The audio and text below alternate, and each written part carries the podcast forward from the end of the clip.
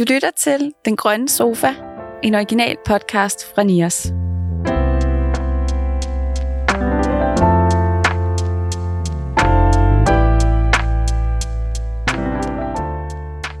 Velkommen til uh, endnu en episode af Den Grønne Sofa, øh, hvor vi har en helt særlig gæst i øh, sofaen og skal tale om healthcare-sektoren og hvad vi kan gøre for at dekarbonisere den. Men Mia, kunne du ikke vanen tro fortælle os, hvem har vi i Den Grønne Sofa? Jo, velkommen til Frederik. Tusind tak. Du er CEO for Green Innovation Group, og så har du en baggrund som antropolog. Og øh, vi kan jo bare ligge os fladt ned og sige, at øh, det er Sofie Bæk, som øh, var herinde og tale om startups, der simpelthen spurgte os, om du også skulle herind. Og så var vi sådan, jamen det skal du da. Så velkommen til. Tusind tak. Det var, øh, altså, hvad kan man sige, vi har jo været med til den her Green Hub, som vi sidder i, altså siden før det faktisk blev til noget, da det var en idé. Øh, der var vi inde som konsulenter og, øh, og bistå i hele den strategiske proces af at få det her sted til at køre og komme op og stå. Øh, og der øh, var en af de opgaver, vi havde på listen, som vi løste for Niras, det var at finde ud af, hvem der skulle sidde i hoppen. Og øh, jeg tænkte, at det var Sofie, der var den helt rigtige ah, så hun skyldte dig en tjeneste ah, okay, der. nu okay. forstår jeg. Nej, ja. fordi Nej. det, der sker, det er, at Sofie får faktisk med sig ind og øh, bliver kaldt til samtale, før vi har fået opgaven om at komme med vores shortlist, hvor hun stod øverst. Ej. Så vi havde ligesom lavet shortlisten øh, og skrevet Sofie øverst på den. Og så, øh, så, så hun skylder hun... faktisk jer et succession fee vil du mene? Nej, altså, jeg ved, jeg, måske, jeg ved ikke rigtig, hvis også der, men det er jo gået rigtig godt hoved, så det ja. er bare totalt dejligt at se, hver gang man kommer ud, at det er gået så godt, som det er, og er stadig lever, og der er sådan noget som det her studie herude. Øhm, det var noget af det, som vi sad og, og håbede på ville ske, det vi sad for tre år siden, og og hvad kan man sige, øh, tænke store tanker om, hvad kunne man, altså det er jo, når man kommer ind sådan et sted, som, jeg ved ikke, hvor meget lytterne ved, hvor vi sidder, men, men det er jo en gammel produktionshal, hvor de lavede IBM-computer. Så da vi kom ind første gang, der var det jo bare en tom, gammel fabrikshal, hvor der stadigvæk var sådan nogle instruktionsplakater på væggene for, hvordan man skulle gøre i tilfælde af brand, når det her, det her skete. Det var, det, var ligesom, det, var, det var lidt som at tage en tidsmaskine. Altså man kunne se, det var, det var ret lang tid, der ikke havde været aktivitet i de her rum, og der er ekstremt højt til loftet. Mm. Nogle kæmpe store vider, og sådan nogle øh, ret sjove gulve, jeg ikke havde set før. Som ligesom sådan nogle hulegulve for, at øh, jeg tror, det noget med, at der skulle være noget gennemløb af luft nedenunder der, hvor man sidder og samler, så man kunne have sådan nogle ventilationssystemer, øh, et eller andet øh, teknisk. Ikke? Så det var, øh, det, det var bare enormt inspirerende at gå rundt der, og så tænkte jeg, okay, hvis vi kunne få lov til at gøre lige præcis, hvad vi ville, for at lave et økosystem for grønne startups herude hos Nios, hvordan ville det så se ud? Og det, det er virkelig tæt på det, der var Ja, men jeg synes, I lykkes meget godt, og Jens og jeg er jo i hvert fald rigtig glad for, at I tænkte over det her med studiet. Det har vi jo i hvert fald nyt, nyt godt af.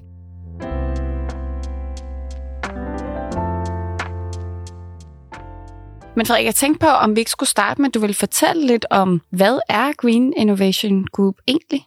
Jo, øh, Green Innovation Group er et management consultancy firma, hvor vi øh, arbejder med projekter, der hjælper til at dekarbonisere sundhedssektoren. Så vi er baseret i København. Vores kunder de er fra hele verden. Der er sjovt nok ret mange i USA og ret mange i Danmark. Det er to steder, hvor life science og sundhedsvirksomheder klarer sig godt. Uh, og så selvfølgelig har vi jo et nærområde, hvor der bor en ret stor sundhedsvirksomhed i Danmark, som vi laver en del projekter for. Og vores projekter, de kommer lidt på, hvad kan man sige, forskellige tidspunkter på modenhedsrejsen. Så jeg plejer at sige, at vi, vi kan hjælpe vores kunder med at lave en dekarboniseringsstrategi, hvis de ikke har sådan en. De fleste af vores kunder har en. Og så hjælper vi med at implementere dekarboniseringsstrategien. Altså tit, når du går ud i byen og køber en stor bæredygtighedsstrategi, så er der ikke tænkt specielt meget over, hvordan det så skal ske ud i virkeligheden. Så er vi tit i en afdeling, hvor det handler om at sætte nogle ambitiøse mål, men, men man er meget sjældent nede på produktionsgulvet og spørge en line engineer, hvad skal der til for, at vi kan dekarbonisere på din line? Okay. Og det, det gør, at der er sådan et disconnect mellem det strategiske niveau og det praktiske øh, niveau i for eksempel produktionen. Kunne vi tage et par eksempler på, sådan, når vi siger sundhedssektor? Hvad, hvad, hvad, hvad falder i den boks? Øh, ja, altså sundhedssektoren, den, øh, den, den starter og slutter med patienten. Når, øh, når man er i sådan en opsporingsfase, så vil man typisk øh, gå til en sin egen praktiserende læge, eller man vil konsultere øh, netdoktor eller noget andet. Så kan man sige, der starter sundhedssektoren, hvis, hvis vi kigger på riget som, som sundhedssektoren og prøver at sætte nogle hegn op for, hvor, hvor starter stopper det. Og så stopper det jo først, når vi er i kisten i den anden ende. Så man kan sige alt imellem. Øh, der er nogle hovedkomponenter. Der er hele vores, det vi på engelsk kalder healthcare providers, altså dem, som leverer sundhedsydelserne. I en dansk kontekst vil det jo være hospitalerne, laver meget af det. De praktiserende læger laver meget af det. Kommunerne laver noget af det, som ældrepleje og hjemmepleje. Øhm, og, øh, og så har vi det, man på engelsk ville kalde auxiliary services, som er sådan noget som fysioterapi og kiropraktik og psykologi og alle, alle de her forskellige praksisområder, som tager sig af forskellige delelementer af vores velvære. Så man kan sige, uanset hvordan man kigger på sundhed og sundhedssektoren, så det, det er et ret stort bæst, vi har med at gøre. Ja. Så det er, en, det, er en ret, det er en ret dårlig afgrænsning, kan man sige. øh, fordi du, du kan næsten tage alle komponenter af vores samfund og få dem til at passe ind i sundhedssektoren. Og de er alle sammen til stede et sted i sundhedssektoren, hvis man kan sige det sådan. Øh, tag noget tilfældigt, som for eksempel legetøj, jamen det vil jo så være på børnehospitalet. Mm. Okay. Uden at du ser legetøj og tænker sundhed. Ikke? Men sundhedssektoren er så stor, at hele vores samfund på en eller anden måde finder en repræsentation inde i sundhedssektoren på en eller anden måde. Ja. Og jeres mission i Green Innovation Group, det er så, når du siger at få dekarboniseret, så det er simpelthen at få reduceret CO2-udledningen for hele sundhedssektoren. Ja, og den, øh, der, der er sådan i dag, tegner sundhedssektoren sig for 4-6% af den samlede udledning i verden. Og så man siger, okay, men det er jo 4-6 procent. Det er jo et greb i lommen. Hvad, hvad svarer det til? Jamen, flyindustrien svarer til cirka 2 procent. Og den har vi ret travlt med at, øh, at gå efter i sømne. Det, der er rigtig spændende ved de her 4-6 procent, det er, at i takt med, at verdens befolkning bliver rigere, så driver det også en efterspørgsel for sundhedsydelser. Så hele verdens befolkning kræver, forlanger og forventer flere sundhedsydelser. Så vi kan forvente, at den her 4-6% sats, den kommer til at stige i takt med, at efterspørgselen stiger. Så bare lige så, så jeg forstår, så det du siger, det er, at hvis man kigger på alle lande i verden, og så for eksempel kigger på de rigere i forhold til de fattigere, så bruger de rigere lande forholdsvis mere på sundhedssektoren. Ja, meget mere. Meget mere. Okay. Du kan også se det i Europa, at de rigere europæiske lande bruger også flere penge på sundhed per capita end, øh, end resten af Europa. Så i, i en europæisk kontekst, måske der er nok nogle outlier. Jeg kan ikke huske, hvor Luxembourg, Liechtenstein og Monaco og sådan noget ligger sammen. Det, den ligger sikkert uforholdsmæssigt højt. Men øh, Norden er jo nogle af dem, der bruger mest per capita. Holland bruger rigtig meget per capita. Men hvis vi kigger på, hvor stort er spændet i sundhedssektoren, så er Italien og Spanien nogle af dem, der bruger rigtig mange penge på sundhedssektoren. Men der er også bare rigtig mange italienere og spanier.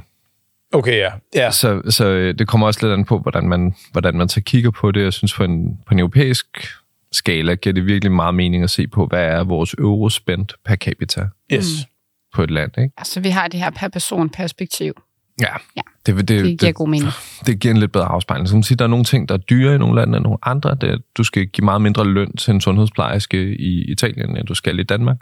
Så det, det er jo også med til at drive omkostningerne op og drive spændet op. Så det er ikke sikkert, at det er en refleksion af kvaliteten af, hvor meget sundhed får man ud i den anden ende. Det er også noget, man, man kan øh, gruble så gul og grøn over, hvordan man måler det. Noget, noget man bruger meget i industrien er det her med, med QALYS, som er uh, Quality Adjusted Life Years. Mm. Så i stedet for at sige, at vi forlænger dit liv med fem år, hvor du ligger i respirator og en grøntsag, så vil det ikke være fem QALYS.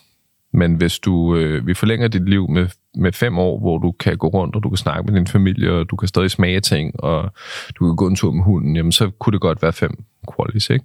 Så, så der, er nogle, øh, der er nogle spændende problematikker i forhold til, hvordan afgrænser man den her sundhedssektor? Hvad er det så, den skal kunne? Hvorfor er den der? Ja. Øh, og der er en af vores kæpheste i Green Innovation Group, der er, det, der er den her øh, lægeeden, som er, at man skal man skal do no harm, mm. som, som man tager på sig, når man, når man bliver læge, og som hele industrien egentlig har skrevet sig op til og tager for givet. Men vi har bare aldrig tænkt miljø ind i det. Og det er jo lidt spændende, når vi så ser, at WHO er ude og sige, at klimaforandringerne faktisk vil have uoverskueligt store sundhedsmæssige implikationer. Mm. Fordi så, så er vi jo nødt til at tænke det ind. Mm. Det er et meget interessant perspektiv det, sådan har jeg ikke lige tænkt på det før, men det er faktisk meget spændende, at den der afledte effekt, eller den indirekte effekt ved at man udleder CO2, jamen skaber nogle klimaforandringer, der så skaber, at nogle andre mennesker får det uhensigtsmæssigt i forhold til deres sundhed, eller decideret faktisk kommer til at dø. Det er meget, meget spændende. At, øh... ja, det, var, det var meget virkeligt, ikke? Og man kan sige, at mange af vores kunder, de sidder jo så og øh, er øh, globale farmavirksomheder, for eksempel. De har det, man kalder en EHS-organisation, en Environment, Health and Safety-organisation, hvor man sørger for, at produktionen sker i overensstemmelse med international gældende lovgivning og nogle ret strenge krav til, hvordan arbejdssikkerheden er på en arbejdsplads.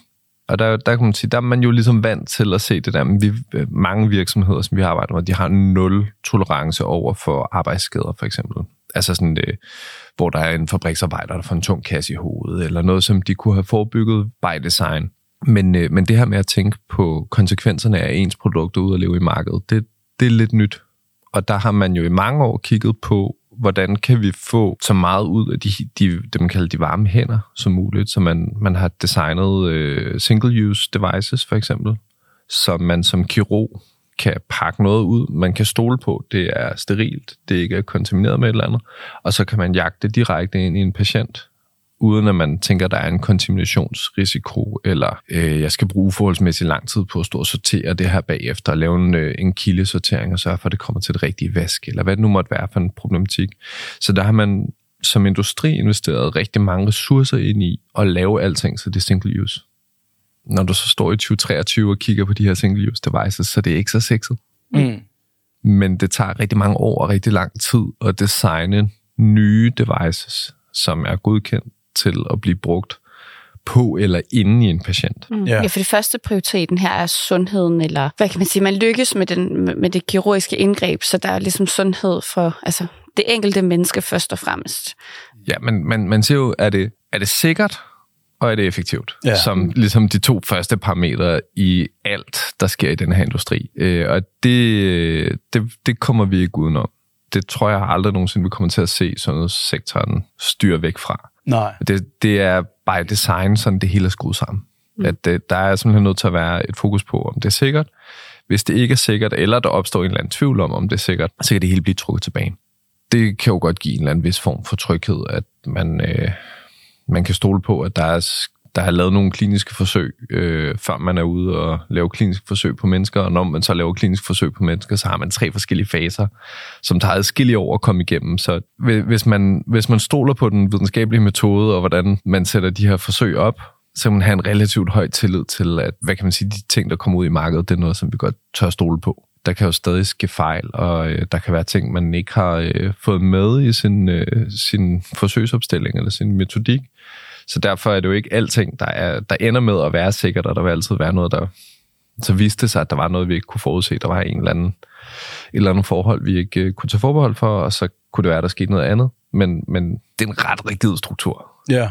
Og især hvis vi sammenligner med, hvad, hvad kræver det at putte noget ind i kroppen på et menneske, og tjene penge på det. Fødevare, jamen, de er ret nemme at få ind i mennesker, med alt muligt skrald i, ikke? Men hvis du skal have medicin eller en medicinsk device ind i et menneske, så er det altså tjekket i hovedet og helt op til hårdtotterne. Ikke? Ja. Så øh, der er en meget høj grad af metodisk stringens i, hvad, hvad vi gør.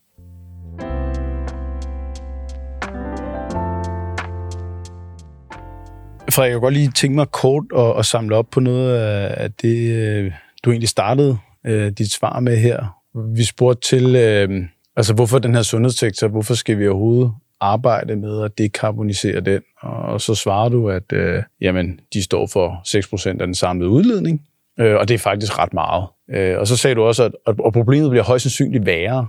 Og så begyndte vi egentlig at snakke om penge. Hvordan kan det være? Fordi altså, du er jo interesseret i at, at sænke udledningen. Så hvad har det med penge at gøre? Det er, det er et rigtig godt spørgsmål. Hvis vi nu tager øh, 800 skridt tilbage, og siger, hvorfor startede jeg på den her rejse selv?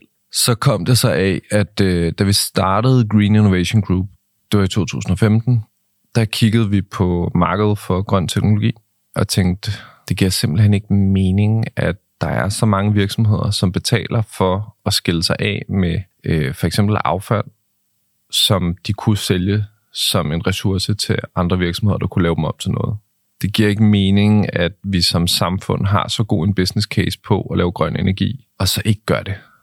Det giver ikke mening, at vi har så god en business case på plantebaseret kost, og vi så ikke gør det. Så det, det var egentlig øh, med en kongstanke om, at green business er god business at vi startede virksomheden. Så øh, øh, det, det er rigtigt nok, at det kommer ret hurtigt til at handle om forretning, fordi det er der, vi ser den store driver for, for forandring være. Så øh, når noget det skal ændres, så er der nødt til at være en business case på det. Øh, og det, det har vi ret meget præcedens for. Hvis der er nogen, der kan tjene penge på det, så sker ting lidt hurtigere. Ja.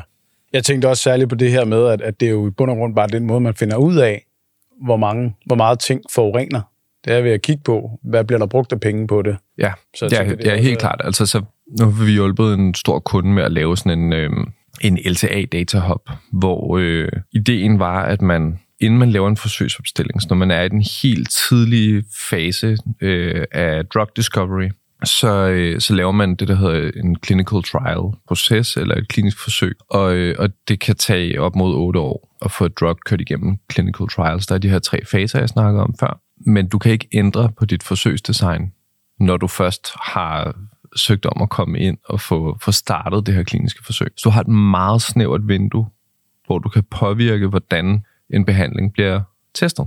Og det har en enorm stor indvirkning for, hvordan vi så går til en behandling. Nu er jeg selv øh, øh, græsallergiker. Jeg har taget en behandling fra, øh, fra en dansk virksomhed, som laver sådan en immunterapi, hvor man spiser en pille hver dag, en sugetablet. Og øh, noget af det, som, som de har haft ind i deres forsøgsprotokol eller forsøgsdesign, det er, at patienten skal til et fysisk opfølgende møde en gang om året. Der kunne de have skrevet, patienten skal til en opfølgning en gang om året. Den må gerne være telefonisk. Men, men, øh, men at gå ind og ændre på sådan nogle ting posthumt, altså efter du har fået godkendt din, øh, din behandlingsform, som bliver lagt op i forsøget, så er det ekstremt svært at ændre på det. Så, så det vi lavede, det var ligesom et værktøj, hvor man som forsøgsdesigner kunne sidde og plotte alle de aktiviteter, der var i forbindelse med et treatment ind, og så se, er der noget af det her, som vi kan gøre med et lavere carbon footprint. Og, øh, og det vi så fandt ud af i den proces, og nu kommer vi til den lidt lang build-up på det, ja. det var, at øh, jamen, den måde, man regner ud, hvor meget en øh, farmavirksomhed udleder gennem sin kliniske forsøg, det er en kostekstrapolering. Så man, man ser, hvor mange dollars har vi brugt på, øh, på klinisk forsøg. Vi har brugt 4 milliarder dollars. Okay. Jamen, så har vi udledt CO2 svarende til 4 milliarder dollars CO2-udledning. Ja. ja, så man tager sådan en gennemsnitsudledning for kliniske forsøg, og det har man beregnet per dollar, og så ganger man simpelthen bare de to tal. Og i mange tilfælde, så har man ikke engang en gennemsnitsudledning for klinisk forsøg. Nej, så bliver det sådan noget gennemsnit for sundhedssektoren okay. som helhed. Ja, det, det er meget bliver, stor usikkerhed. Det bliver med en ekstremt stor usikkerhed. Ja. Øhm, og det, hvad kan man sige, det, det går så lidt igen, når vi så sidder med regionerne, som har en klimastyringsmodel, hvor man, øh, man gerne vil reducere udledningen ret drastisk, ret hurtigt, så har man også kigget på omkostningerne. Og det betyder, at man, man måske har, lad os sige, man har en kraftbehandling, som koster øh, 2 millioner om året per patient, jamen så udleder den også i det her regnestykke for 2 millioner CO2. Men det er ikke sikkert, at den her behandling, den er øh, mere klimabelastende end produktionen af nogle nogle smertestillende piller. Øh, det, det vil være en hypotese, man, man er nødt til at, at undersøge og finde ud af, hvor, hvor er vi egentlig henne forholdsmæssigt. Er det her bare ekstremt omkostningstungt, eller er det også ekstremt udledende? Mm. Og i mange tilfælde, så øh, på, på drugproduktion, så, så er udledningen og omkostningen ikke altid sammenhængende. Okay. Altså jeg kan jo lige sige som livscyklusingeniør også, at man bruger de her, vi kalder dem Environmental Extended Input-Output modeller. Så man har de økonomiske flows, og så ganger man de her gennemsnitsemissionsfaktorer på, altså hvor meget CO2-udledning er der i gennemsnit per, per krone brugt eller euro brugt i en bestemt uh, sektor eller for en bestemt produktgruppe. Og det er man simpelthen nødt til, når vi snakker milliarder, der bliver brugt i for eksempel sundhedssektoren mm. eller al offentlig indkøb eller den samlede danske udledning. Så man kommer ikke udenom det, og det er faktisk en stor udfordring. Nu har vi snakket meget LCA i den her podcast, som jo er helt ned på produktniveau. Og det er sådan en bottom, bottom-up tilgang. Man kunne også lave en LSA for hver eneste. Altså man kunne sagtens lave en LSA for de specifikke operationer, mm. men man kan godt regne ud, at det er en stor regneøvelse. Og så derfor så laver man den her top-down, hvor man simpelthen bare har den her øh, input-output, og man bare, gang, bare ganger gennemsnitsemissionsfaktorerne med, øh, med de økonomiske beløb. Ja, og det, og det er jo det bedste, vi har. Ja. Så, ja. så det er også den anden side. Det er et sted at starte. Ja. Øh, vi har en stor kunde, som er en medtech-kunde, og de har et produktkatalog på øh, 30.000 enheder, eller måske helt op mod 100.000 forskellige line items med forskellige variationer. Hvis, hvis de skulle lave en LTA for hver eneste af de her 100.000 produkter, så det ville blive fuldstændig vanvittigt dyrt. Og det ville egentlig ikke tjene det større formål. For vi kunne nok få ret meget mere grøn omstilling for de penge, end ja. at købe LTA-analyser. Og det, det er jo også et element, som man må tage med ind i sådan en pragmatisk betragtning. Hvornår er nok nok? Og når, når vi så kigger på, hvad er det så for nogle håndtag, vi har, vi kan trække i i sundhedssektoren, ikke? Øhm, jamen, den, det største og vigtigste håndtag, det er en overgang til grøn strøm. Okay. Og det er det alle steder. Men når vi så har trukket i det, så, hvad kan man sige, så, så har man ligesom trukket i det håndtag, og så holder det op med at give. Øhm, når, når vi er færdige med det, og vi er gået over til grøn strøm, så er vi nede på et niveau, hvor hvis man kan finde en halv eller en hel procent udledninger for et samlet område, som man kan reducere, så er det en kæmpe sejr. Og det betyder jo, at regionerne de er meget udfordret med at sidde og lede efter de forskellige områder, hvor de kan opnå de her forskellige reduktioner, fordi sundhedssektoren er så kompleks, som den er. Der er så mange elementer, der er dybt kludret sammen, og virkelig svære at skille ad. Men altså, bare lige for at forstå øh, størrelsesforholdet her, så, så lad os sige, at man trækker det store håndtag der.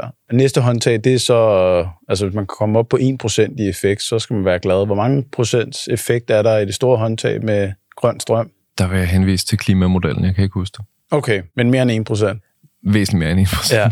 Nå, men, øhm, men Mia, det må da også gøre dig lidt varm om hjertet, det her med at bruge øh, øh, altså den her LSA Data Hub, altså bruge LSA som et designværktøj frem for et værktøj til at finde ud af nærmest bagefter, hvor stor er skaden. Mm. Ja, men jeg tror, vi skal derhen, hvor vi skal, vi skal have sådan nogle hybridmodeller, så vi har de her input-output til at tage de store hvor vi tænker, jamen gennemsnitsudledning, det, det passer nok meget godt.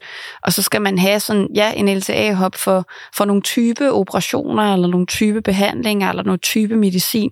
Og så laver man en hybrid, så det vil sige, at man mixer mellem de to. Altså man mm. tager noget med det her input-output med gennemsnit, og man tager noget, hvor vi har konkrete LTA'er for nogle type produkter, type behandlinger. Øhm, og så, så kan man på den måde sammenligne de, de to, og så få et mere og mere præcist, hvis det er det, man, man går efter. Mm. Men øh, LSA kan jo også bruges til at forbedre den enkelte operation, eller det enkelte mm. medicin, øh, og det, det er jo så lidt mere omstændigt, kunne jeg forestille mig. Det, det vi ser, der sker og trender i industrien nu, der er, at uh, National Health Services i UK, som er ja, det største sundhedssystem i verden, de, øh, de har været ude og være ret hardcore i at committe til Science Based Target Initiative og til at uh, putte et, et hårdt krav på alle deres leverandører. Så 1. april 2027, der skal du egentlig være aligned med Paris-aftalen, hvis du vil sælge noget til NHS. Okay. Så de, de har virkelig været ude med den, altså med, og er der nogen i sundhedssektoren, som NHS ikke køber, altså når du snakker om de her healthcare providers og auxiliary services,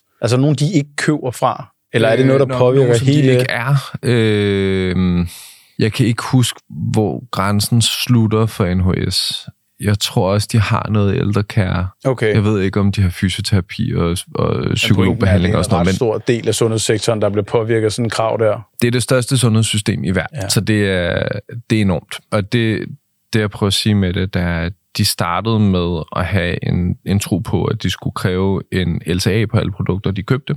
Og nu er de gået over til, at leverandørerne skal være committed til Science Based Targets Initiative, eller noget, der ligner. Og det, det tror jeg egentlig er en meget god pragmatisk løsning, netop fordi du så ikke risikerer at stå med leverandører, der har flere hundredtusind forskellige produkter, de har en dibedut, som sidder på bagenden af en nål, der kommer fra øh, en anden øh, virksomhed, og så har de en kabelholder, som kommer øh, fra en tredje virksomhed, og så har de måske noget papir, der bliver rullet rundt om kabelholderen. Altså det er ekstremt mange forskellige små dimser og dutter, der er derinde for at få sådan et hospital til at virke. Og øh, det man så er gået over til at kigge på, i stedet for at kigge på produkt for produkt, LTA'er, så kigger man på det, der hedder Healthcare Pathways.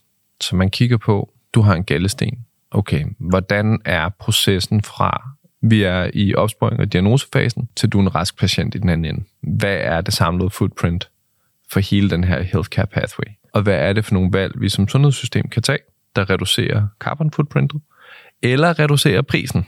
Og hvis den reducerer både prisen og carbon footprintet, så er det selvfølgelig en rigtig god case. Ja. Øh, så vi, vi har arbejdet med en case, som er rigtig interessant, hvor der er nogen, der laver en, øh, en uh, surgical device, som gør, at man kan foretage et diagnostisk indgreb som kirurg, men man også kan lave det behandlende indgreb i samme procedure. Ja. Og man har evidens på, at det er sikkert, og det er effektivt. Det gør i stedet for at have tre på hinanden følgende indgreb med måske flere ugers mellemrum. Så kommer man ind en gang, får diagnosen, kirurgen kan lave indgrebet samtidig, og så kan patienten faktisk komme hjem og blive rask. Det er en case, der giver rigtig god mening, for man skal kun købe udstyret en gang. Man skal kun sætte operationsstuen op en gang. Man skal kun fragte patienten frem og tilbage en gang. Og man får en højere succesrate, så man skal foretage netto færre indgreb. Øhm, og det, det er sådan en case, som er enormt spændende at kigge på, hvor man så ser, hvad er footprintet på den her healthcare pathway ved at gøre det på den her måde? Jamen, det er væsentligt lavere. Og det interessante, det er jo, altså vores kunde kunne egentlig have solgt flere single-use devices ved den anden sti, men er faktisk ude aktivt og advokerer for, at de leverer færre devices, til gengæld for at få en mere effektiv behandling af patienten. Øhm, så, så jeg synes også, noget, noget af det, jeg også bliver ved med at være forbløffet over, jo mere jeg arbejder med den her industri, det er, hvor store gode hjerter der er på, hvor mange mennesker, der arbejder med det. Altså, jeg tror, der er en eller anden sorteringsmekanisme i, at når du går ind og arbejder med noget, som er livsreddende eller livsændrende for folk, så er der en, en naturlig begrænsning for, hvor dumt svin du kan være. Okay. Øh, det, det, det, det, det, det tror jeg egentlig, der er et ja. andet i.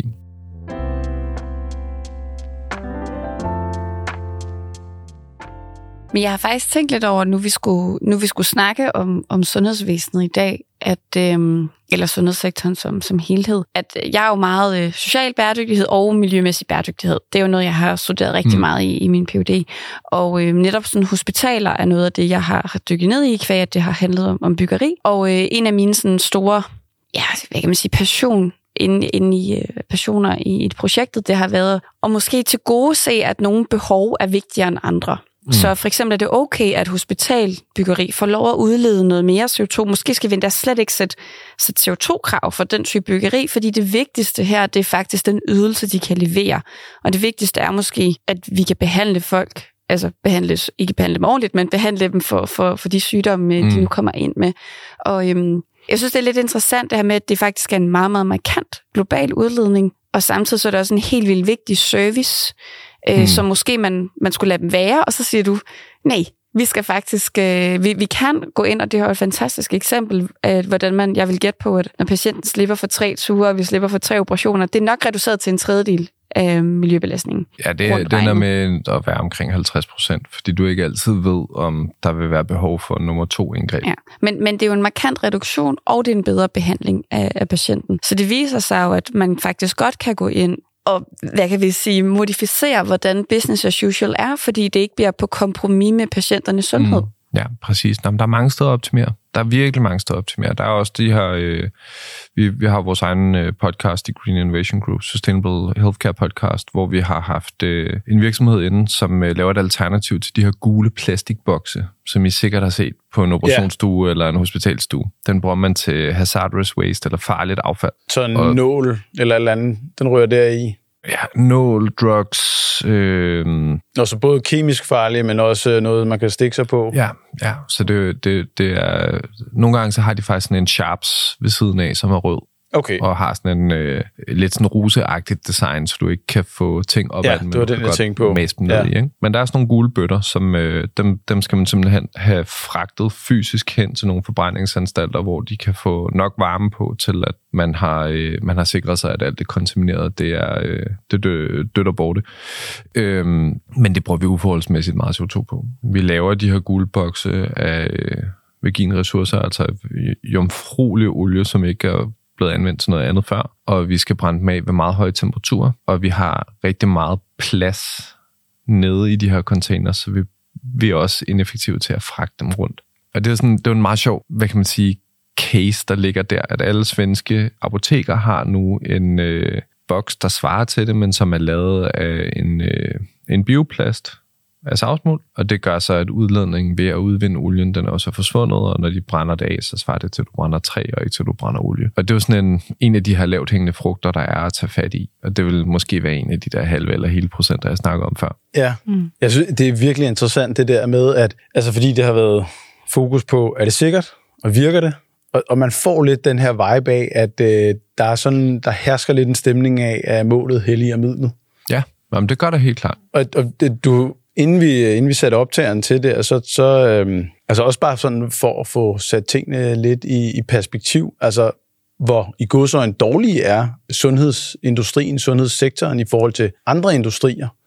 Øh, Eller dårlig, nej, det er måske der, strengt. Der er jo et eller andet med, hvor meget har man kontrol over. Altså, ja. så hvad, jeg, jeg, jeg synes, det er vigtigt, at man, man også opstiller nogle begrænsninger, som modsvarer ens evne til at handle. Og, og det er klart, når du er i en industri, som er så tungt reguleret, som sundhedsindustrien er, Ja. så er der også nogle begrænsninger for, hvad man så faktisk kan ændre. Og det betyder jo for eksempel at sådan noget, som man har noget, der hedder øh, IFUs, som er øh, endnu et dejligt akronym, man ja. bruger i sundhedssektoren. Det betyder Instructions for Use. Når du laver et drug eller en medicinsk device, så er der nogle ret strenge krav til, at der altid skal følge en brugsmanual med. Også selvom den aldrig bliver læst af dem, der bruger den. Og det har jo et, et vist miljømæssigt footprint, men, men det har været ekstremt svært at ændre. Der sker ret meget aktivisme på området, fordi alle, ikke alle, men, men der er en, en vis enighed i industrien om, at det her det er overflødigt. Hvor kommer det her fra? Jamen, det, meget af det er jo sådan nogle historiske artefakter, som kommer, de kommer af en årsag og en fornuftig grund, typisk. Altså, jeg er jo lidt kynisk nogle gange. Øh, det, det er nogle gange det, jeg kan bidrage med på den her podcast. Og øh, har måske lidt den holdning, at øh, hvis der er noget, der ikke giver mening, men fortsat bliver opretholdt, så giver det mening for nogen. Hvis jeg må være lidt grov. Nå, men det er jo klart, der vil være nogle trykkerier og nogle andre, som tjener nogle penge på Det er jeg med men- på, men man kan men- sige, det her med at gøre det svært for, for nye at komme ind på det her Nå, marked, fordi der er måde. så mange regler. Er der slet Øh. ikke nogen, der, der sidder og spekulerer i, at øh, de her indgangsbarriere, dem skal vi være også på. Jeg ved godt, at tidligere i podcast, der snakkede vi om, at der er begrænsninger på, hvor, hvad du sagde, hvor stort et røvhul, eller ja, hvor og, stor en hvor idiot man kunne være. gå. Men Jo, alligevel, altså, det er jo også noget med at Jeg tror, beskytte man sit skal- område. Jeg tror, man skal passe på med, hvor meget, igen, hvor meget agency man tilskriver hvem, øh, og hvilken form for lobbyindsats, der bliver lavet hvor. Okay. Jo, som, som industri, så det er jo klart, at øh, protektionisme på den måde, du laver øh, en indgangsbarriere for nye, vil jo give mening, øh, og især i en industri, som har så tunge R&D-omkostninger, som man har i, i pharma og medtech. Altså man investerer ekstremt meget i, øh, i produktudvikling og industriudvikling og, øh, og, og på at, at tage og beskytte patenter, og der er udløb på. Der er, en, der er, altså der er en hel industri, som er bygget på at tage udløbende patenter og sætte dem i masse produktion på, øh, på drugsiden for Ja. eksempel. Så, så det, det er jo en, en mekanisme, som man har i den her industri. Det, det er et vilkår. Men sådan Ja. noget her, som at have en, en IFU ned i alle produkterne, det, Så den køber du ikke, den der med de her lidt åndssvage benspænd, de, øh, Nej, De fordi det koster heller ikke så meget at lave den, så små medtech-virksomheder kan jo sagtens have en IFU. Det er bare lidt åndssvagt, at man har det, og der er ikke nogen, der læser det, ikke? Fordi man kunne lige så godt have en QR-kode. Så det, det giver jo mening, at du har adgang til instructions på devices. Det synes jeg er rigtig sundt. Men man kunne godt printe en QR-kode på, og så kunne den person, der havde brug for dem, måske tilgå det på en anden måde. Øhm, så, så, så der, der, der er jo rigtig mange ting, og jeg, tror, nu spurgte du, hvordan opstår det, men det opstår altid af et eller andet behov, hvor man siger, jamen der var simpelthen ikke nogen, der havde adgang til, hvordan de skulle bruge den her scanner, så øh, det endte med, at der blev lavet rigtig mange fejlagtige scan, øh, eller hvordan øh, IFU nu kommer op. Jamen så, så siger vi, jamen, så laver vi et krav om, der skal altid følge en brugsmanual med, så du kan, det er simpelthen ikke tilladt at sælge så dyre produkter, uden at der også er en instruktionsmanual med. Så har vi også en sikkerhed for, at patienten og behandleren har adgang til, hvordan det skal bruges. Jamen, så er Ja. den tjekket. Men så, så bliver det jo sådan nogle sjove juridiske artefakter, som bliver enormt svære at ændre på, når vi først har fået det ind i lovgivningen, vi har implementeret på det, vi har lovgivet på det, vi har dømt på det, vi har lige pludselig juridisk præcedens for, at nogle ting skal være der. Så bliver det svært at ændre. Men, men fra sådan et altruistisk, samfundsmæssigt synspunkt, så burde vi jo ikke fælde skov og lave det til instruction for use manualer, som der aldrig er nogen, der læser nej. det er hul i hovedet, ikke? Øh, og, og sådan nogle ting har vi meget af. Altså, øh, vi snakker meget om, øh, om telemedicin nu i industrien. Altså det der med, at øh, du skal tage fri fra arbejde, og du skal lægge din lægetid, sådan, så du kan hente ungerne fra institution eller skole, og du skal sidde op i et venteværelse i en halv til en hel time for at sidde inde hos en læge i 10 minutter, og så få at vide, at du skal have en recept på et eller andet. Kunne vi ikke have sådan en praksis på et videokald? Jo, men det kunne vi ret tit. Men det, der er ikke så meget præsident for at gøre det. Nu har vi haft under corona, at der er nogle ting, der, der blev mulige. Vi kunne se nogle andre måder at gøre tingene på. Men der er ikke særlig mange danske læger, som er overgået til telemedicin. Og det virker jo tosset. Og det, det er jo en, det er en belastning for vores samfundsøkonomi, og det er en belastning for miljøet og det er inconvenient for patienten. Så, så det der med, hvad, hvad er det, vi gør, som er indlejret og er, er så dybt indlejret i vores kultur, det er spændende at kigge på og, og se, kan vi, kan vi gøre de her ting anderledes? Og en af de ting, som er mest afgørende, det er, at vi, vi går over til at være et præventivt sundhedssystem. Det er det aller, aller største håndtag efter grøn strøm. Ja, okay. Øh, det var faktisk lige, hvad jeg skulle spørge dig om, sådan om der ikke var nogle andre store, øh, store håndtag. Øh. Jo, og det der, det der er tricky ved det her med præventiv sundhed, det er, at hvis du lever pissehammerende sundt, og du aldrig skal til læge, og du aldrig skal have nogen kirurgiske indgreb, og du ikke skal have nogen øh, medicinske behandlinger, så er det bare lidt svært at tjene penge på. Ja. Sådan som vi har sat mm. systemet op. Og det er jo lidt... Og altså, hvem er det, der tjener de penge her? Jamen lige nu, så, er, så altså, hvad kan man sige, hvis vi kigger på det danske sundhedssystem, ja. så har vi jo en finanslov, som sætter rigtig mange penge til side til vores sundhedssystem. Så vi som borgere betaler ikke en sundhedsforsikring, ligesom man gør i USA for eksempel. Ja. Vi har den over skattebilletten. Så det betyder, at når øh, vi bliver kørt ned af en bus, jamen, så øh, kommer der en ambulance og fejrer os op for gaden og får os kørt ind et eller andet sted og syge sammen. Og bliver, vi bliver indlagt og behandlet, og vi kommer tilbage igen, når vi får os noget, øh, noget førtidspension og noget sygeforsikring, og hvad, hvad vi ellers øh, måtte have omkring det. Altså, der, der er ret mange forskellige aktører, som... Men det er jo alt sammen en udgift for statskassen? Hvor, ja, hvor så, indtægten? Så, så vil der være nogle virksomheder i det, ikke? Altså ja. så Falk for eksempel, der driver ambulancerne, eller mange ambulancerne i Danmark, jamen de, de har jo så en kontrakt, hvor de får nogle penge ud af den her sundhedssektorregning, der ligger på finansloven, til at der skal være noget ambulancedrift. Så vil der være nogen, som øh, sælger noget medicin til, at øh, når den her patient er blevet faret op for gaden og ind i en ambulance, så skal de sikkert have noget morfin eller noget andet smertestillende. Det er der nogen, der sælger så er der en hel masse devices inde i ambulancen, som er fuldt ekviperet til at være, hvad kan man sige, sådan øh, livsgivende førstehjælps øh, hospitalstue i virkeligheden på jul. Jamen, der er jo nogen, der har solgt alle de forskellige devices, så der sidder private virksomheder derude og, og er en del af at få det her til at køre rundt. Men jeg kan, jeg, jeg, jeg kan ikke tænke, at det er et problem, at der er nogen, der ikke kan tjene penge. De må vel finde noget andet at tjene penge på, hvis alle nu gjorde Jamen, som lidt... Jens og levede vildt sundt øh, og dyrkede motion. Øhm, det var og... lidt det, jeg jagtede. Altså, hvor, hvor er, altså, jeg kunne forstå, hvis der var et skatteproveny, man kunne knytte til det her. Altså sådan så, at selvom det er lidt strengt, at det offentlige rent faktisk havde noget indtægt på det her, og så de så skulle finde ud af, hvor, hvor skal vi så finansiere det her henne? Men som jeg Sparer hørte... faktisk penge. Præcis. Så er det jo... Lad os sige, at alle blev 50 procent øh, sundere, ikke? Så kunne man måske spare 50 procent af omkostningerne til sundhedssektoren. Ja, det, og det bliver jo lynhurtigt meget komplekst, og det, ja. hvad kan man sige, det, det der er rigtig svært i det, det er øh, incitamentet for en enkelt aktør er meget sjældent særlig centralt.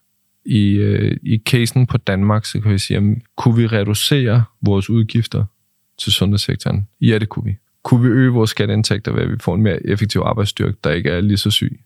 Ja, det kunne vi kan vi få politisk medhold på Christiansborg til, at vi ikke skal tilbyde de samme sundhedsydelser, eller til, at vi skal bede danskerne om at stoppe med at ryge, eller til, at vi skal bede danskerne om at stoppe med at spise kød, eller til, at vi skal bede danskerne om noget som helst.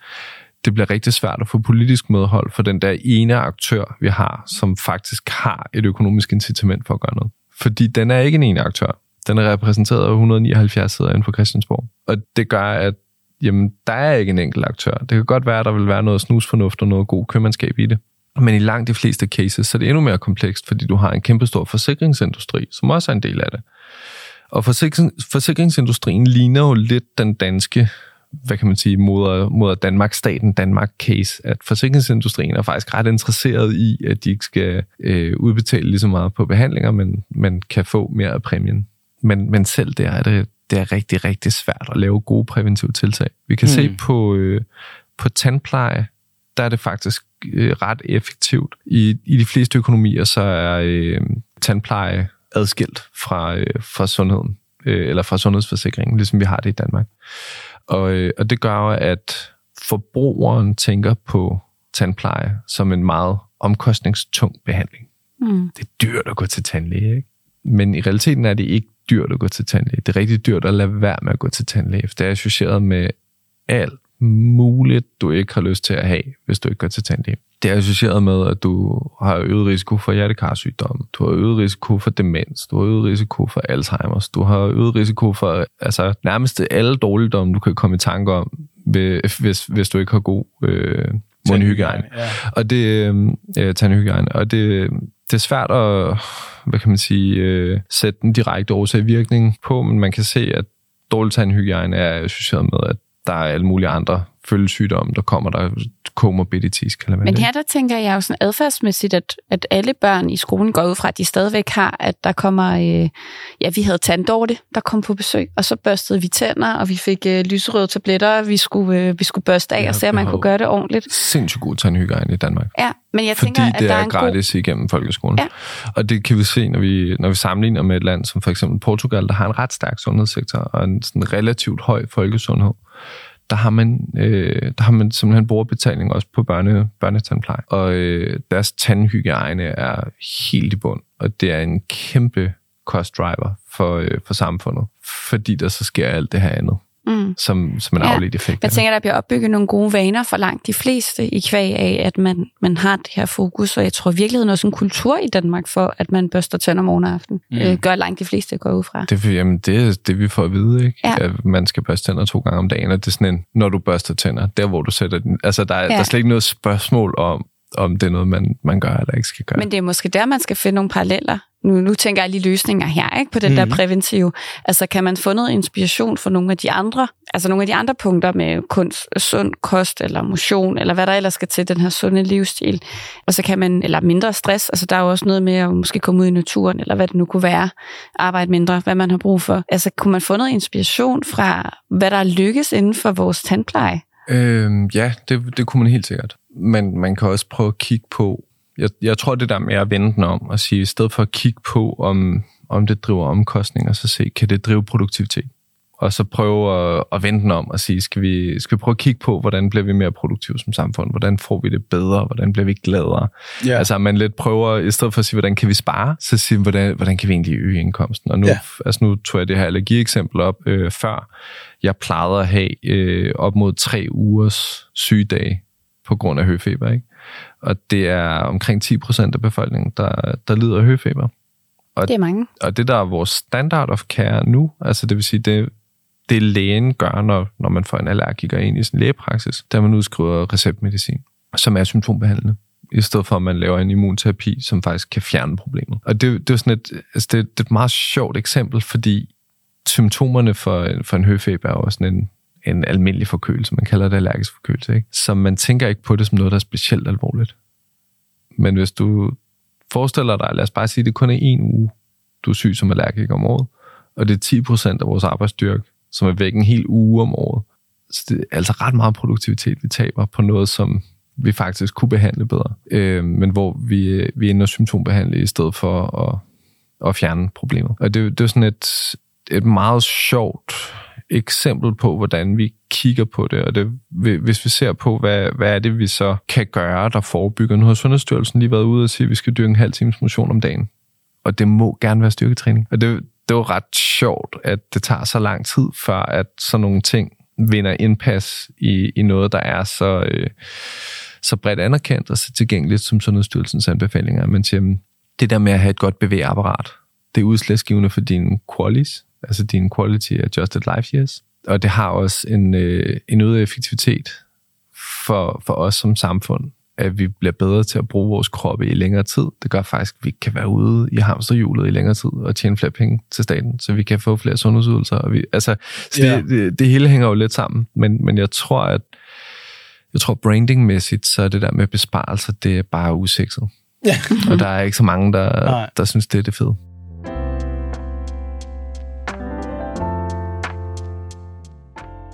Men jeg synes, det er lidt interessant, at vi begyndte at tale om det her med, at det store håndtag, der hedder grøn strøm, og det næste, det er prævention, var jeg ved at sige, præventive indsatser. Øhm, men der, hvor du så egentlig kom hen relativt hurtigt, det var egentlig sådan, at den politiske opbakning, som jo handler om, at er der nogen, der vil stemme på folk, der siger det her, det er der, den knækker.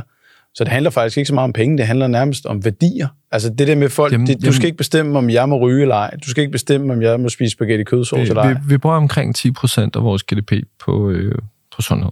Ja. Og vi bruger cirka 0,5 procent på præventiv. Øhm, og det er meget mere effektivt per krone investeret at investere i det præventive. Om det er men det er jo et logisk Og det- Ja, ja altså, det, som det, det, som, det, er, ja. det er totalt logisk, og det, det er også bygget op i data, så, så man har i Nordisk Ministerråd har man det, man kalder 5-5-aspirationen. Altså man kan overgå til at have 5% af GDP, man bruger på hvad kan man sige, den, den reaktionære sundhedsydelse, og så 5% på det præventive. Med en theory of change, som siger, at hvis vi bliver så gode til det præventive, at det, er, øh, det bliver naturligt for alle at sige, at jeg laver min daglige motion nu, efter jeg har børstet tænder om morgenen, og, øh, og, og jeg gør de her forskellige ting. Måske sidder jeg og mediterer, eller gør noget andet, som virker afstressende for mig, sørge for at få gået en, en tur i naturen, få brugt noget tid med min familie, eller hvad, hvad det nu end er, der, der fungerer som, som de præventive indsatser. Så, øh, så er hypotesen jo, at vi kunne bruge det mindre på den responsive healthcare. Ja.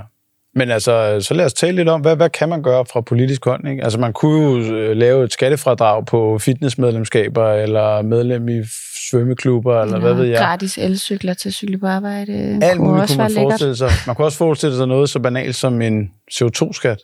CO2-skat er jo altså måske det mest anvendelige og roste værktøj, vi har i vores værktøjskasse for at lave en samfundsændring. Øh, og det kan jeg jo kun være fortaler for. Hvis man sidder som virksomhed, så kan man jo arbejde med at implementere en, en intern hypotetisk CO2-skat, som man så lægger på alle sine business cases. Man, man tager ind og siger, nu, nu laver vi en intern CO2-skat, så vi, øh, vi er nødt til at regne på, om den her business case den stadig fungerer med en praktisk CO2-skat. Og det er, sådan et, altså, det er et ret godt redskab at have med, og man kan sige, for, øh, for samfundsøkonomien, så giver det jo mening. Der, der er mange, der snakker om nu, at vi skal gå mentalt fra at sige, forureneren betaler, til at sige, du kan slet ikke forurene. Og okay. det er et helt andet mindset, ikke? Altså, fordi det, det, er jo, det er det her med at sige, at vi, vi skal ikke længere forlænge med brædder. Vi skal ikke ind og og prøve at rydde op. Vi skal faktisk gøre tingene sådan, så de er fit for purpose. Altså, du skal simpelthen slet ikke svine overhovedet. Men er det muligt? Det, det er der jo nogen, der vil mene. Øh, det kommer til at kræve rigtig meget nytænkning. Og, øh, og jeg tror, en, en CO2-skat er i hvert fald et, et skridt på vejen, der vil være med til at give de fin, finansielle interesser i en retning. Først når den er uendelig, så, så kan man jo tale om det der, fordi Altså en CO2-skat gør jo egentlig bare, at dem, der kunne stadig forurene, du kompenserer bare for den forurening, du laver ved at betale dig ud af det. Men det giver jo så nogle penge i statskassen til at få faret op. Altså det er jo det regenerative, ikke? Er ideen ikke, at så hvis du køber oksekød med en høj CO2-skat, jamen så vil der ryge nogle ekstra penge i statskassen. En ting er, at det skal så ud igen til forbrugerne, er jo så en, en af idéerne. Men noget andet er jo, at der jo kommer nogle flere indtægter, som du så kan investere i øh, det regenerative, altså få rejst noget skov eller noget, fordi som du siger nu, Frederik, at der, det handler om do no harm, men vi er så langt, at vi er også nødt til at have fejbakken ude, og, ja. og, og ligesom få ryddet op efter os selv noget af den forurening, der allerede har været. Ja, ja, altså jo, det er jo, det er jo en del af det, men der er jo også det her med at gøre det mindre attraktivt og øh, købe det, så man ikke bliver ved med at hælde mere benzin på bålet. Altså det er jo det, er det som CO2-skatten gør rigtig godt. Den giver en mere færre refleksion af, hvad omkostningerne er ved forskellige ting. Når jeg går ned i supermarkedet nu, og jeg skal vælge mellem at købe 400 gram oksekød eller en broccoli. De koster det samme i kroner og øre, inklusive moms. Det er jo sindssygt. Altså det, det er på ingen måde noget, der står mål med, hvad er omkostningerne ved at producere et broccolihoved. Jo, den kræver meget plads. Hvad er omkostningerne ved at opdrætte et levende dyr og give det foder og få det slagtet og få kræver det markant mere plads i hvert fald. Det, det, er, det er bare to meget forskellige ja. ting. Øh, og hvis vi nu ikke havde de samme subsidier, som vi har på øh, animalsk produktion, som vi har, så vil det simpelthen ikke kunne betale sig. Det vil være en rigtig dårlig forretning. Og det er det her med, at vi kunstigt holder live i industrier, som faktisk slet ikke kan betale sig at holde i live.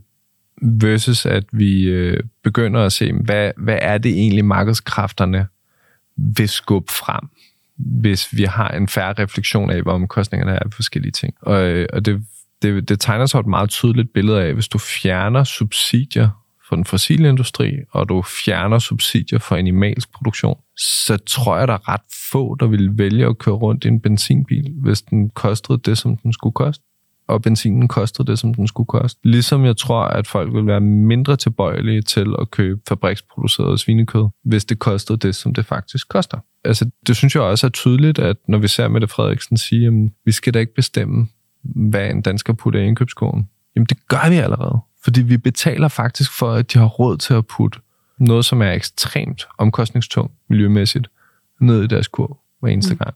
I stedet for at lade de reelle omkostninger være en refleksion af, hvad koster det så forbrugeren i den anden ende. Men Frederik, har du et eksempel på det, du sagde lige før med, at en ting er at gå over til, man siger, der må ikke være nogen negative, eller hvis der er negative eksternaliteter, så skal du selv betale for dem, til at gå over og sige, at der må ikke være nogen negative, eller i hvert fald klimamæssige negative eksternaliteter. Altså har man, er man lykkes med den transition nogle steder? Kan jeg komme i tanke om nogle gode cases på det? Altså, øhm, jeg, jeg, jeg synes, at Patagonia er en af de virksomheder, som har gjort det rigtig godt. Patagonia er en tøjvirksomhed, tøj, ja. som, øh, som producerer sportswear. Og de, øh, de startede med at have en, øh, en bæredygtighedsrejse, hvor de sagde, vi skal kun bruge økologisk bomuld i vores tøj. Så lagde de om til hele deres supply chain, lagde de om, og de havde kun økologisk bomuld. Og de, øh, det de var en ret stor driver for omlægningen til økologi i bomuldsproduktion på global plan. Så fandt de så ud af, at hvis man kigger holistisk, bæredygtighedsmæssigt på øh, økologisk bomuld imod almindelig konventionel bomuld, så det er ikke en specielt væsentlig forbedring. Simpelthen fordi du stadigvæk udpiner jorden med økologisk øh, bomuldsproduktion. Det kræver stadig rigtig meget vand. Og... Det kræver sindssygt meget vand, og det er kummerlige arbejdsforhold. Så, øh, så det, man gik over til, det var at sige, kan vi få regenerativt bomuld?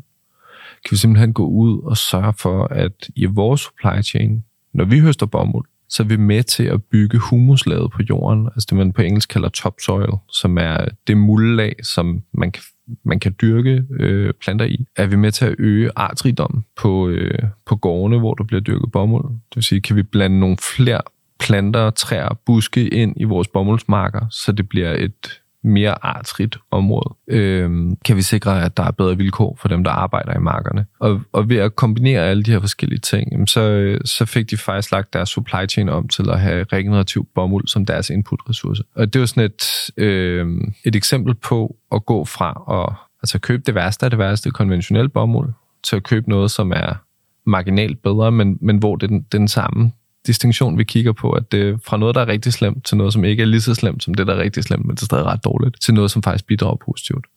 Og, og jeg, jeg tror, det er den rejse, vi skal på. Øh, både som samfund, som virksomheder og som offentlige, øh, som offentlige indkøbere og som offentlige institutioner.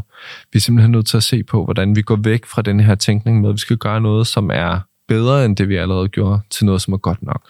Og det, der er en meget stor væsensforskel der. Det er ikke umuligt, men det kommer til at kræve rigtig meget hårdt arbejde for os, fordi vi har givet hele vores system til, at det faktisk er ret god forretning at svine.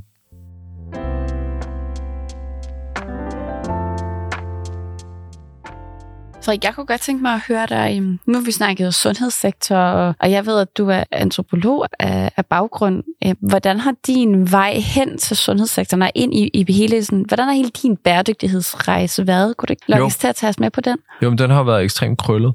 Altså man kan sige, det, det hele det starter om, eller slutter med, at øh, jeg står på en øh, bjergside i Mexico, og jeg er dækket i mudder fra top til tå. Det er i år 2014, jeg er ude og studere et, øh, et, et, sådan et øh, Back to the Land Eco-Village øh, projekt i Mexico, og jeg har tabt mig cirka 12 kilo. Jeg har haft diarré i rigtig lang tid. Jeg har levet ude i den her teltlejr uden adgang til strøm og vand og varme. Og øh, vi er ved at bygge et hus af ler og, øh, og gamle flasker.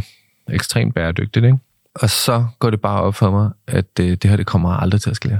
Der er simpelthen ikke nogen ved deres fulde fem, som, øh, som kommer til at øh, gå væk fra træk- og sliptoilettet, og en varm seng og øh, et varmt apparat og øh, varmt vand i vandhanerne, øh, for at gøre sådan her. Så, øh, så jeg tog hjem fra, øh, fra Mexico og tænkte, vi er nødt til at tænke på andre måder. Og det var egentlig sådan, øh, min rejse ind i Green Innovation Group startede. De andre medstifter, de havde nogle andre, nogle andre stier, men, øh, men det kom så af, at jeg tænkte, vi må kunne gøre tingene anderledes. Og det, øh, en af de ting, som jeg kunne se var en fællesnævner for mange af de her negative udviklinger, det var markedsøkonomien og den måde, som vores samfund er skruet sammen på. Så jeg kiggede på alternative samfundsmodeller og var, øh, var i ret lang tid overbevist om, at jeg skulle studere noget, der hedder Zapatismo, som er sådan en, øh, en, en ret stor anarkistisk inspireret bevægelse i Mexico, hvor øh, omkring 100.000 oprindelige folk, de lever øh, egalitaristisk med fuld medbestemmelse på tværs af hinanden og er mere eller mindre selvforsynende. Mm. Og når du siger, altså jeg på engelsk kalder jeg den egalitarian, men egalitistisk hedder det på dansk, og det vil så sige, at, at alle har lige meget medbestemmelse, eller hvordan det er, fordi vi, vi er jo vant til at tænke demokrati, vil jeg jo sige øh, på den anden side. Ja, det, det, det ser man så på en helt anden måde her. Ikke? Altså deres slogan er lento pero avanzo. Det betyder langsomt, men fremadgående. Øh, og deres, øh, de, de arrangerer deres samfund i noget, de kalder katakoles, som er så sneglehus. Så de tager meget inspiration i sneglen, som bevæger sig langsomt, men kommer frem. Så de, øh, hvad kan man sige, i zapatismo-bevægelsen har man en meget dyb respekt for, at ting tager tid. Øh, og det at blive enige, det er en proces, som man, man ikke kan øh, forskynde på den måde. Så det er, øh, det er mere organiseret noget, vi vil kalde et konsensusdemokrati, hvor alle har en stemme, og hvor man, man først bevæger sig, når man er blevet enige om, at det, det er det her, man skal gøre. Det, der så sker i praksis, der er jo, at de bliver korrumperet fra øh, højre og venstre, og nogen, der gerne vil købe deres land det ene sted, og nogen, der vil lave en mineoperation et andet sted, og nogen, der gerne vil have adgang til nogle politiske stemmer for at kunne blive øh, borgmestre et tredje sted. Altså så, så øh, en meksikansk stat, som også er meget paramilitær, som er inde og presse dem og måske beskyde dem, eller decideret belejre dem forskellige steder. Så det, det, er en, det bliver en ret kompleks størrelse, når man begynder at rode rundt i den. Men jeg troede i lang tid, at jeg skulle bygge en akademisk karriere på og, og folde det her projekt Zapatismo ud, at repræsentere det, som det faktisk er i virkeligheden, for det deler så meget i to. Der er dem, der siger, at alle verdens problemer bliver løst, hvis vi bare gør ligesom de her meksikanere, som ikke ser sig selv som meksikanere, så det er også et overgreb at kalde dem det. Og så er der en anden gruppe af, øh, af forfattere, som siger, at det her det er simpelthen roden til alt ondt. Grunden til, at verden ikke fungerer på grund af de her sabatister. Øh, og jeg tænkte, det, det var nok ikke rigtigt, øh, hverken den ene eller den anden side, så, så jeg var ret spændt på at komme ned og se, hvordan det ser ud i praksis. Og kunne jo også se, at det var jo en, en pragmatisk virkelighed, hvor øh, ligesom alle mulige andre mennesker, så er der jo nogle forældre, som elskede deres børn og havde en kærlighed til det sted, de boede, og, øh, og organiserede sig efter det, der kunne lade sig gøre i dag, og, og det, de gerne ville opnå i morgen. Ikke? Så, øh, så det, var, det var en, en meget stor del af min egen rejse, den der øh, gåen fra at have sådan en ideologisk øh, søgen til at gøre ting strukturelt anderledes på samfundsplan, til at sige, det virker faktisk til, at forretning er driveren for forandring. Og så prøve at kigge pragmatisk på, hvordan kan vi så gå ind og ændre nogle ting her. Øh, og det blev så øh, til en dybere niche-specialisering ned i sundhedssektoren. For nogle år siden, vi startede mere bredt med at arbejde med grøn innovation som helhed. Vi var blandt andet med til at lave en investeringsstrategi for en 24 milliarder stor, øh, 24 milliarder kroner stor fond, som skal investere i, i grøn teknologi, hvor vi, øh, vi kiggede på alle de forskellige teknologiske områder, som vi kan bruge til at dekarbonisere, og, øh, og lavet anbefalinger på, hvor skal vi så investere. Og det, det er desværre en lidt kedelig historie, man har hørt før, at vi skal investere i vindenergi, vi skal investere i solenergi, og vi skal spise mere planterig kost, og vi skal ikke producere mad for at smide det ud, og vi skal have mere effektiv køling. Og hvis vi løste de fem problemer, så, så havde vi sådan set løst langt de fleste af de problemer, der skulle løses. Men hvorfor er det en kedelig historie? Er det, fordi vi har hørt det før? Nå, det er, fordi man har hørt den før. Altså, ja. at øh, når vi skal have flere vindmøller, ja, men vi gider ikke have vores baghave, vel? Vi skal have mere sol, og vi gider heller ikke rigtig have de der grimme sorte solceller i vores, ude på vores flotte marker, ikke? Så, øh, så det, nu ser jeg kedelig historie, fordi man har hørt den så mange gange før, og, og der er også et eller andet, der er noget ekstremt tiltalende i, at der er noget ny teknologi, der kan redde os. Vi, vi vidste slet ikke, den var der. Vi kunne simpelthen bare suge CO2 ud af luften, og så er ja. problemet bare væk. Vil det ikke være fedt? Jo, det ville være fedt. Er det ikke også pisse ærgerligt, det kan lade sig gøre? Jo, det er sindssygt ærgerligt, det kan lade sig gøre. Fordi det ville da virkelig være fedt, hvis, hvis vi bare kunne gøre det sådan. Ja. Men vi må også se på, hvad er det for nogle virksomheder, der driver hele det her øh, CO2-fangst. Jamen, det er den fossile sektor, der driver det. Og der er ikke nogen anlæg, der har bevist det på industriel skala på trods af, at der er blevet investeret milliarder på milliarder på milliarder ned i det. Øh, den, den kedelige business case, der køber simpelthen en øh, vindmøllepark. Færdig. Det, det og så det, der står i den rapport. Ja. Og så gør du det igen. Ja. Og så gør du det igen. Og så gør du det igen. Og det, det er det, der skal til. Men det er bare ikke så sexet det er heller ikke mega sexet at sige, at der er ting, du ikke må, eller ikke skal, eller ikke kan. Det, det lyder dårligt, men, men den, den måde, som vi har gearet vores landbrugsproduktion nu til en monokulturel, svært mekaniseret industri, den holder simpelthen ikke, og den er også rigtig, det er rigtig dårlig forretning. Den kan ikke stå selv. Og det, det er lidt det samme med den fossile industri. Den kan ikke stå selv. Hvis vi fjernede vores, vores øh, offentlige tilskud til fossilindustrien og til landbrugssektoren, så ville vi være nødt til at omstille vores verdenssamfund. Det kan ikke stå selv. Og det er jo sådan en ubekvem sandhed, som, øh, som, som jeg synes pudsigt nok, jeg møder repræsenteret meget på højrefløjen, den politiske højrefløj. Man siger, men, men altså, det er jo et frit valg, det er, det er, ikke, det er ikke rigtig liberal politik at, øh, at gå ind for en øh, dekarbonisering. Men er det en liberal politik at gå ind for subsidier til industrier, der ikke kan stå selv? Det har jeg i hvert fald svært ved ja. at, at få til at give mening. Jeg kan ikke forstå, at det er blevet til et venstrefløjsprojekt. For mig at se, så har det intet med venstrefløjen at gøre. Altså, øh, vi har jo et afsnit med Anders Morgenthaler, som jo, jeg ved ikke, om man gør sig talsmand for, men han fremfører i hvert fald argumentet, øh, siger, hvis du er liberalist, så øh, tror du i virkeligheden på, at det eneste, øh, en stat skal blande sig i, det er, at øh, borgerne i staten ikke slår hinanden ihjel. Og derfor så må det være nummer et øh, prioritet at få styr på, på klimakrisen, fordi det er i bund og grund at, at slå andre ihjel, når du bidrager til den. Det kunne jeg være meget enig i. Så, så, så når man, så mere for at sige, at altså, han, han ekoer virkelig det der med ja. at sige, jeg forstår ikke, hvad vi laver ude på de her. Hvis det skal være ude på nogle fløje, så skal det være på den yderste liberale højrefløj. Altså fordi, og han kunne sikkert fortsætte med at sige, altså der er måske også noget med nogle flygtningestrømme, der, der går helt amok, hvis ikke vi får, får styr på det her. Så det burde jo være en mærkesag ja. øh, derude. Ja. Men nu skal det ikke blive en, øh, en, øh, en politisk podcast. Øh, det er jo så lidt for sent at sige det nu. Men, øh,